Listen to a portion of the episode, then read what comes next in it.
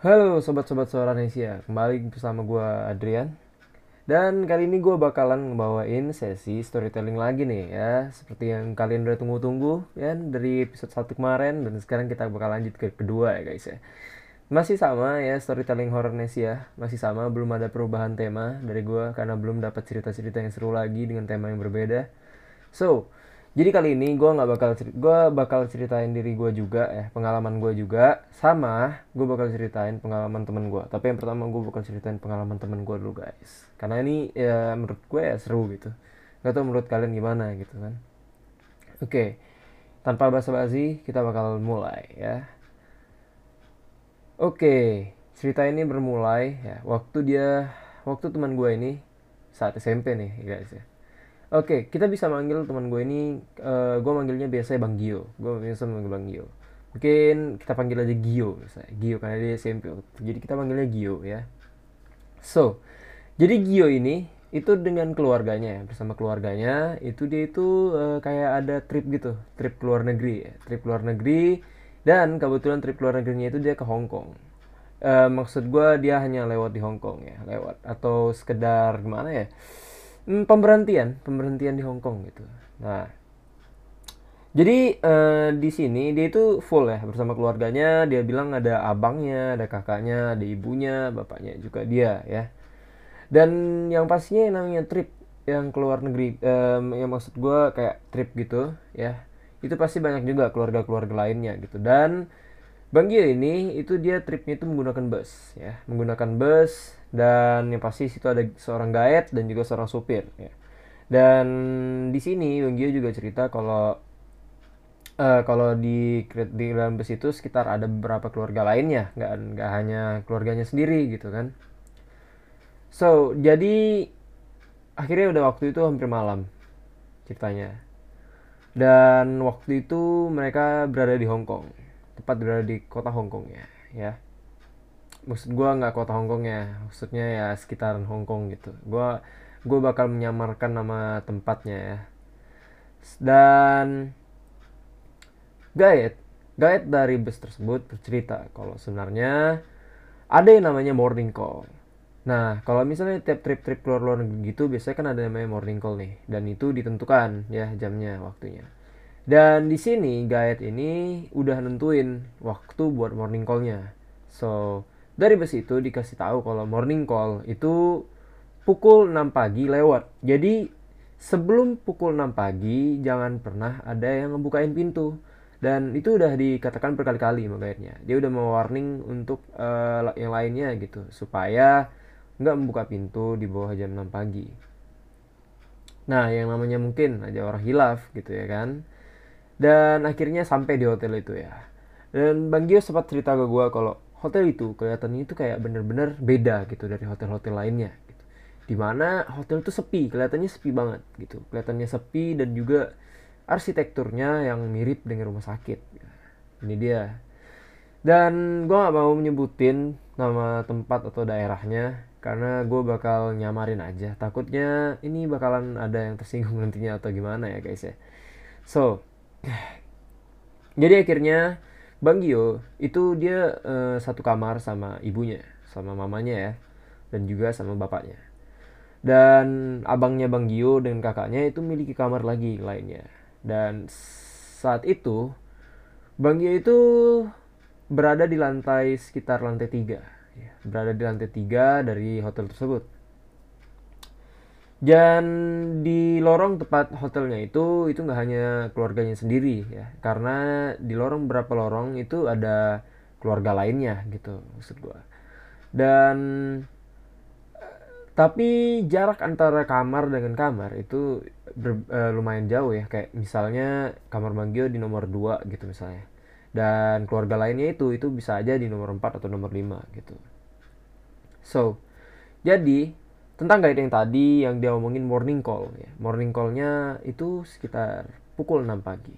Dan di bawah pukul 6 pagi, jika ada yang morning call atau ngetok-ngetokin pintu atau manggil, jangan pernah dibuka. Jadi itu peraturannya dan juga udah dikasih tahu gitu kan sama guide-nya.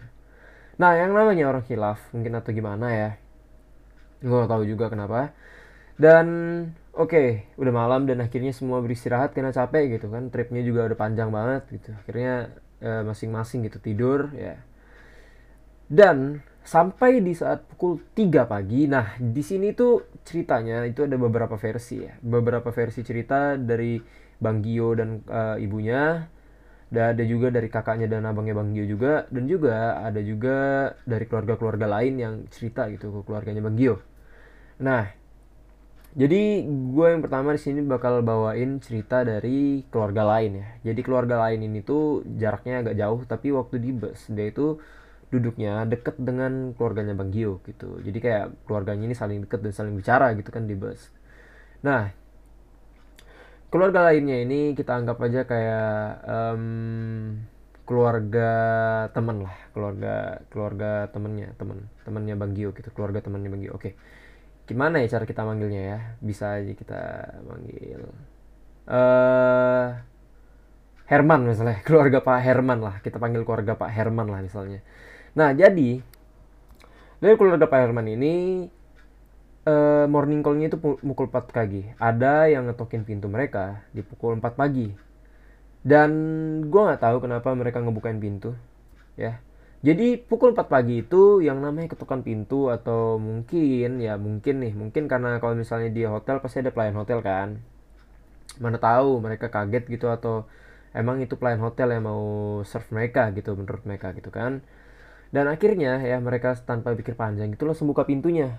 Padahal kan Gaet udah ngejelasin tuh kalau sebenarnya jangan ada yang ngebukain pintu sebelum pukul 6 pagi dan ya keluarga Pak Herman ini bukain pintunya gitu di pukul 4 pagi. Dan akhirnya ya di saat keluarga Pak Herman ini bukan pintu ya tepatnya istrinya yang bukan pintu Pak, uh, istrinya itu melihat ya satu orang ya, seseorang bapak-bapak nih seorang bapak-bapak yang lagi duduk duduk di depan pintu itu sambil baca koran. Nah si bingung dong kenapa ada bapak-bapak gitu kan baca koran gitu gue juga bakal takut kayak gitu dan ya tanpa mikir panjang gitu istrinya pasti nanya dong ya nggak sih? Nanya gitu kayak e, maaf pak gitu kan. Ada apa ya? gitu malam-malam gitu. Dan secara tiba-tiba secara tiba-tiba bapak-bapak yang tadi itu naruh korannya dan langsung loncat ke arah istri dari Pak Herman ini. Lu bayangin dan untungnya ya untungnya loncatnya itu uh, uh, ya orang yang bersangkutan itu loncat itu nggak nggak apa namanya maksudnya itu kayak ngedorong gitu atau ngepush uh, istrinya Perman enggak istri Perman terjatuh doang. Kayak jatuh aduh gitu kayak kaget gitu kan. Dan ya itu salah satu kejadiannya dari keluarga Pak Herman di mana ada orang yang tiba-tiba loncat ke istri Pak Herman dan bahkan istri Pak Herman itu langsung pingsan ya pingsan di waktu itu juga. Oke itu itu cerita dari keluarga Pak Herman. Oke di versi lainnya di versi lainnya di sini ada dari keluarganya uh, Bang Gio sendiri. Gue bakal bawain cerita di mana kakak dan abangnya Bang Gio. Nah kakak dan abangnya Bang Gio ini itu satu kamar tuh ya. Mereka cerita kalau mereka uh, mendengar ada orang yang lagi ngetuk-ngetuk pintu tapi tapi nih dalam keadaan yang sadar banget kalau kakaknya Bang Gio kakaknya Bang Gio tadi itu masih ingat apa yang dikatain guide itu. Jadi dia nggak ngukain pintunya. Dan tapi nih tapi masalah terburuknya ada di tiba-tiba ya tiba-tiba toilet dari kakaknya Bang Gio itu tiba-tiba toilet itu ada orang yang mandi. Ada air yang bunyi sendiri dan tanpa alasannya jelas gitu kenapa ada orang yang mandi pukul jam segini? Sementara ya nggak ada siapa-siapa lagi gitu. Dan mereka kaget gitu shock aja shock berdua gitu. Dan karena saking mereka juga lumayan takutnya gitu kan takut sama gitu-gituan ya, mereka nggak berani buka pintunya. Dan mereka tetap diem ya untuk beberapa menit sampai akhirnya berhenti. Dan akhirnya berhenti. Dan itu merupakan cerita versi dari kakaknya Bang Gio ya kakaknya dan juga abangnya Bang Gio dan kita aku berlangsung beralih ya ke versi uh, di kamarnya Bang Gio sendiri. Di mana Bang Gio itu sama mama dan bapaknya. Oke. Jadi di sini jadi di sini ya. Bang Gio dan mamanya itu uh, juga sadar kalau gaet itu udah ngomong kan gitu dan mereka dengerin gitu kan dan mereka nggak ngebukain walaupun itu udah pukul 5 pukul 5 pagi itu ngetok-ngetok terus. Pintu itu digedor-gedor diketok-ketok gitu. Kayak ada seorang gitu. Di luar yang lagi butuh mereka gitu kan. Atau kayak uh, mungkin pelayan hotel gitu. Tapi ya yang namanya mereka nginget apa yang dikatain gaya tadi ya pastinya mereka nggak mau buka gitu loh. Nggak mau buka. Dan masalahnya waktu Bang Gio itu ngelihat mau nge fokus merhatiin ke depan pintu ya. Ke depan pintu uh, pintu kamarnya itu dia tiba-tiba ngedengar suara air dari dalam kamar mandinya. Dan anehnya air itu nggak hanya sekedar kayak air hidup gitu doang nggak. Tapi ini ada orang mandi dan juga ketawa ketiwi. Ya ada orang mandi mau ketawa di dalam kamar mandinya itu. Ada orang mandi itu sekitaran eh, lebih dari satu orang katanya. Jadi orang itu mandi dan juga ketawa-ketawa di kamar mandinya. Dan di situ yang menyaksikan hal itu dan dengar hal itu bukan hanya Bang Gio tapi juga mamanya dan juga bapaknya ya. Dan itu benar-benar jelas banget suaranya. Ada orang mandi ada orang mandi dan juga ketawa ke TV ya. Dan Bang Gio suatu waktu akhirnya ketakutan waktu itu di situ.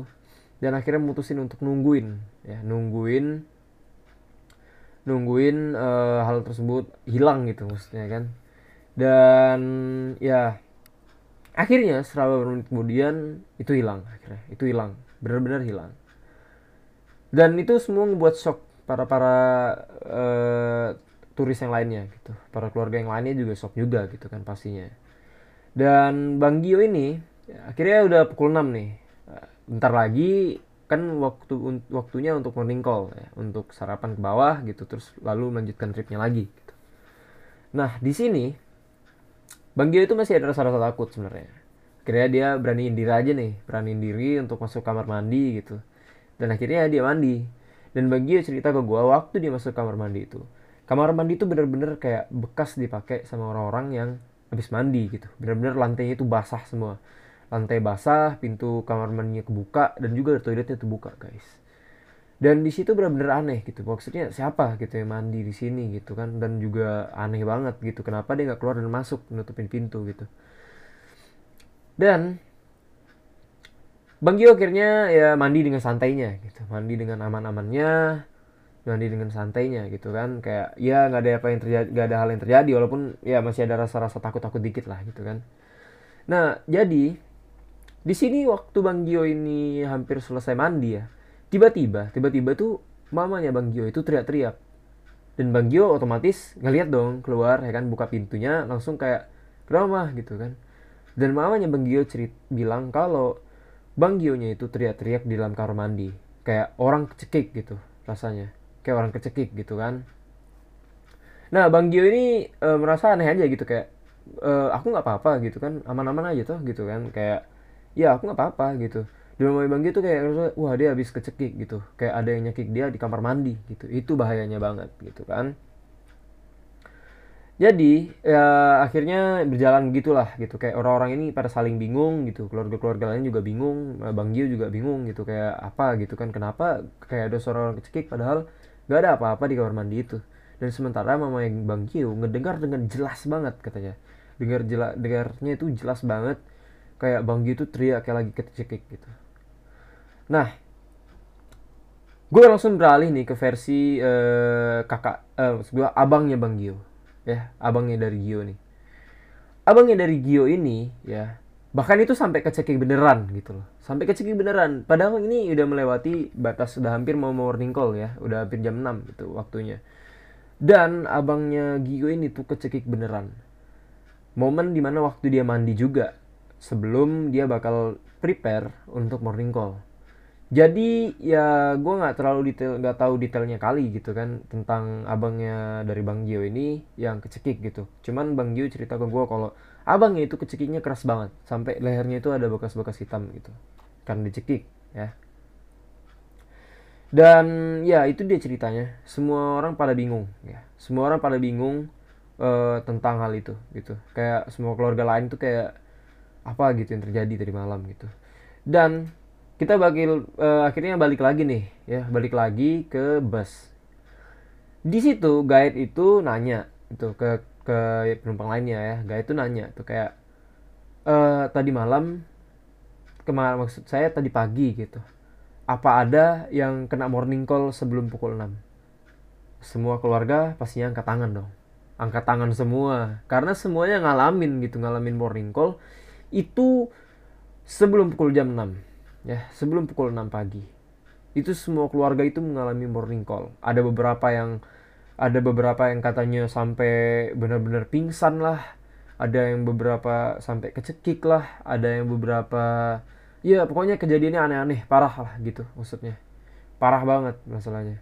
Dan itu ya untung aja ya keluarga Bang Gio maksudnya dari Bang Gio-nya dan juga ibunya juga bapaknya itu nggak mengalami hal yang terlalu buruk banget gitu ya namun ya gue tahu abangnya dari Bang Gio itu ya kecekik gitu.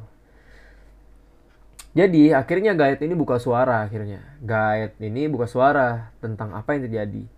Jadi sebenarnya hotel itu merupakan bekas dari rumah sakit ya. Hotel itu bekas rumah sakit yang untuk dijadikan ke hotel itu cuma dicat ulang doang gitu.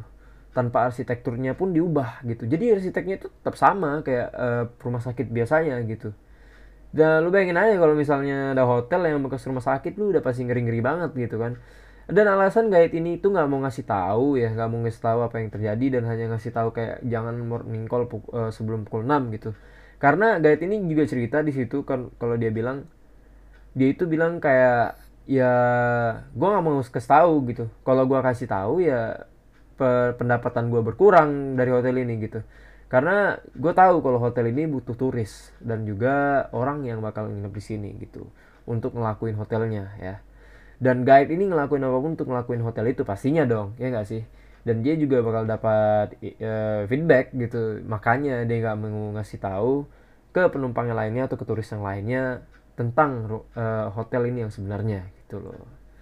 Dan ya itu dia cerita dari Bang Gio yang kemarin uh, cerita ke gue setelah dia baca episode 1 dia bilang gue punya cerita nih menarik katanya wah gitu. ya akhirnya gue mendengerin banget dan gue mohon maaf juga kalau misalnya ada yang salah kata dikit ya dan juga kepada Bang Gio kalau misalnya cerita gue agak melenceng-lenceng dikit mohon dimaafkan Bang Gio Oke.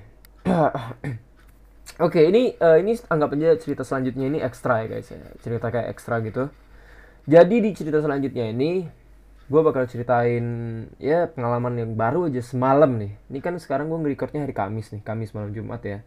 Pukul pukul 11.16 ya, pukul 11.16. Gue pukul 11.16 malam nih gue nge-recordnya nih ya. Ini kejadiannya baru aja semalam gue kejadian baru semalam nih bener-bener semalam ya jadi ya seperti yang gue udah ceritain di episode 1 kalau gue pernah ngelak gue pernah berpapasan dengan yang bersangkutan itu ya. akhirnya rumah gue kan diadain syukuran tuh diadain syukuran dan alhamdulillahnya banget gitu. Itu akhirnya udah mulai hilang gitu kayak nggak ada lagi paranormal activity bangsat gitu kan.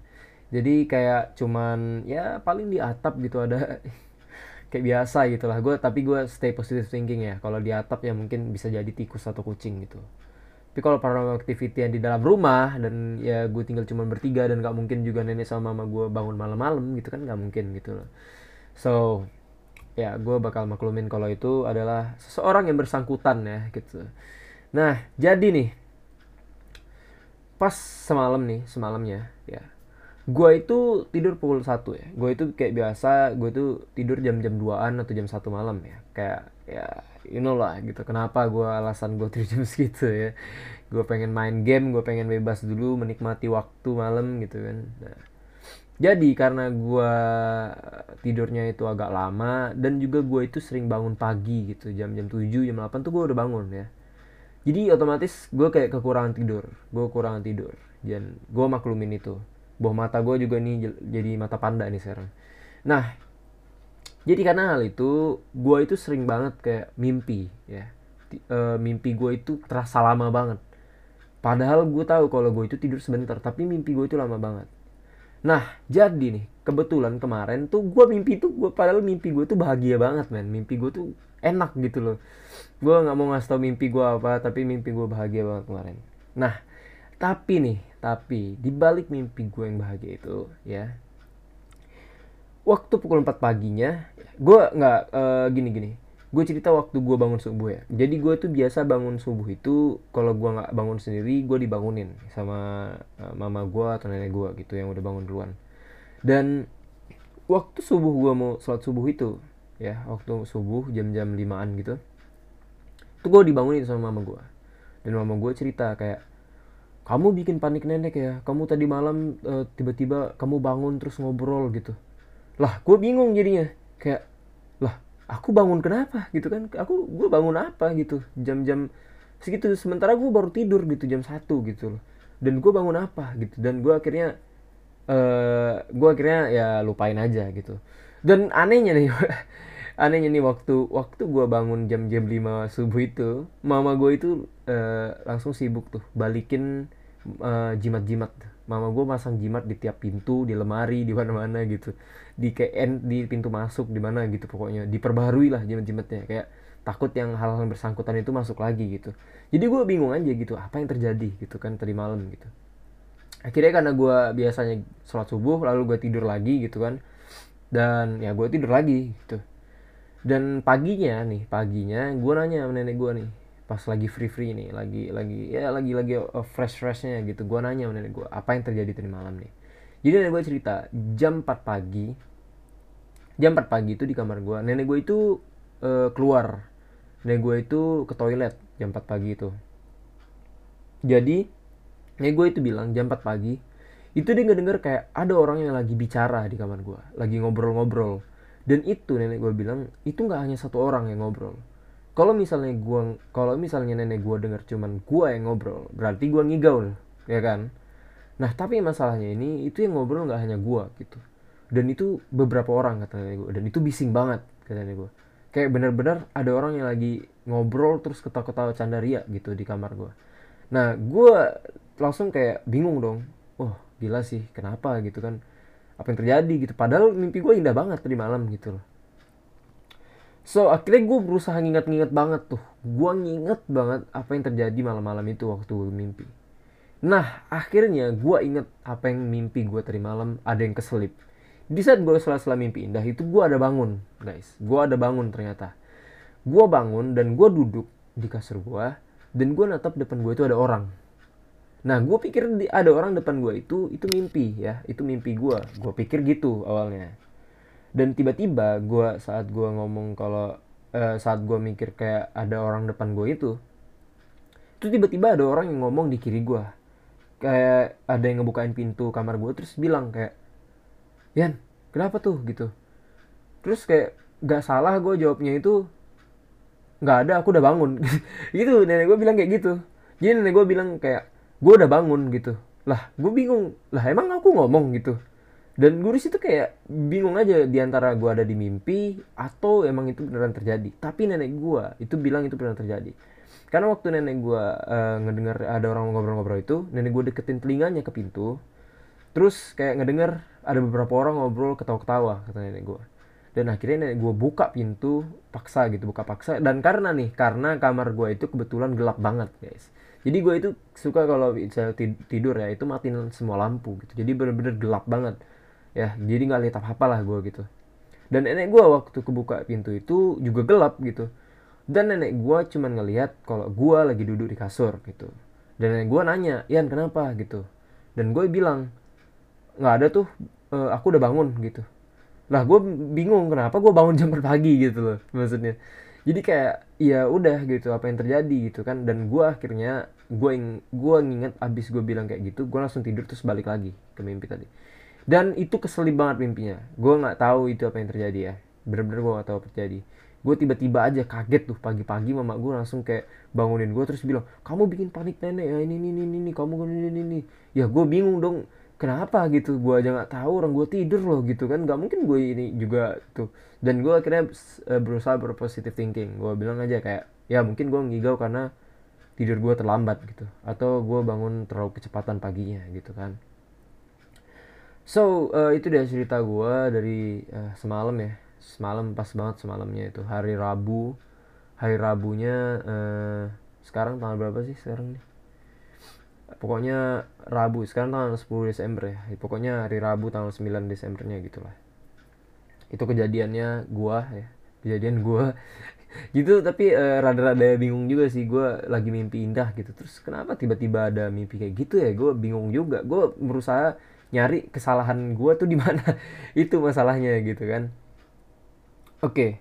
itu dia cerita dua cerita tadi ya. Maksud gua satu cerita cerita normalnya dan juga satu ekstra gitu. Ya menurut gue cerita ini uh, menarik aja gitu nggak terlalu serem. Cuman gue pengen sharing aja ke kalian tentang storytelling tentang ya apa yang dialami sama temen gue ya. So, temen gue ini nggak temen uh, temen jauh juga ya temen jauh. Dia di Bali gitu gue di Batam sekarang gitu.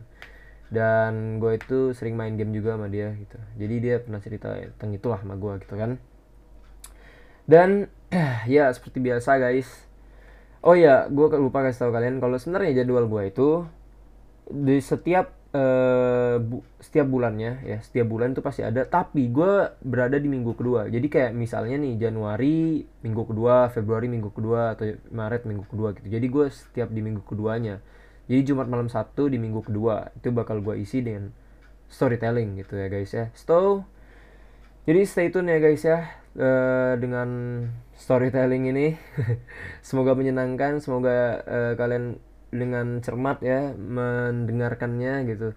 Semoga kalian betah dengerinnya, semoga ini juga uh, seru menurut kalian atau menarik gitu walaupun nggak terlalu serem gitu menurut gua.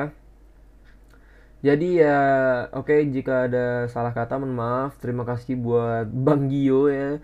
Bang Gio yang udah menjadi sponsor saya untuk cerita kali ini. So, terima kasih guys semuanya. The more you hear, the more the more you know, guys. Thank you and good night.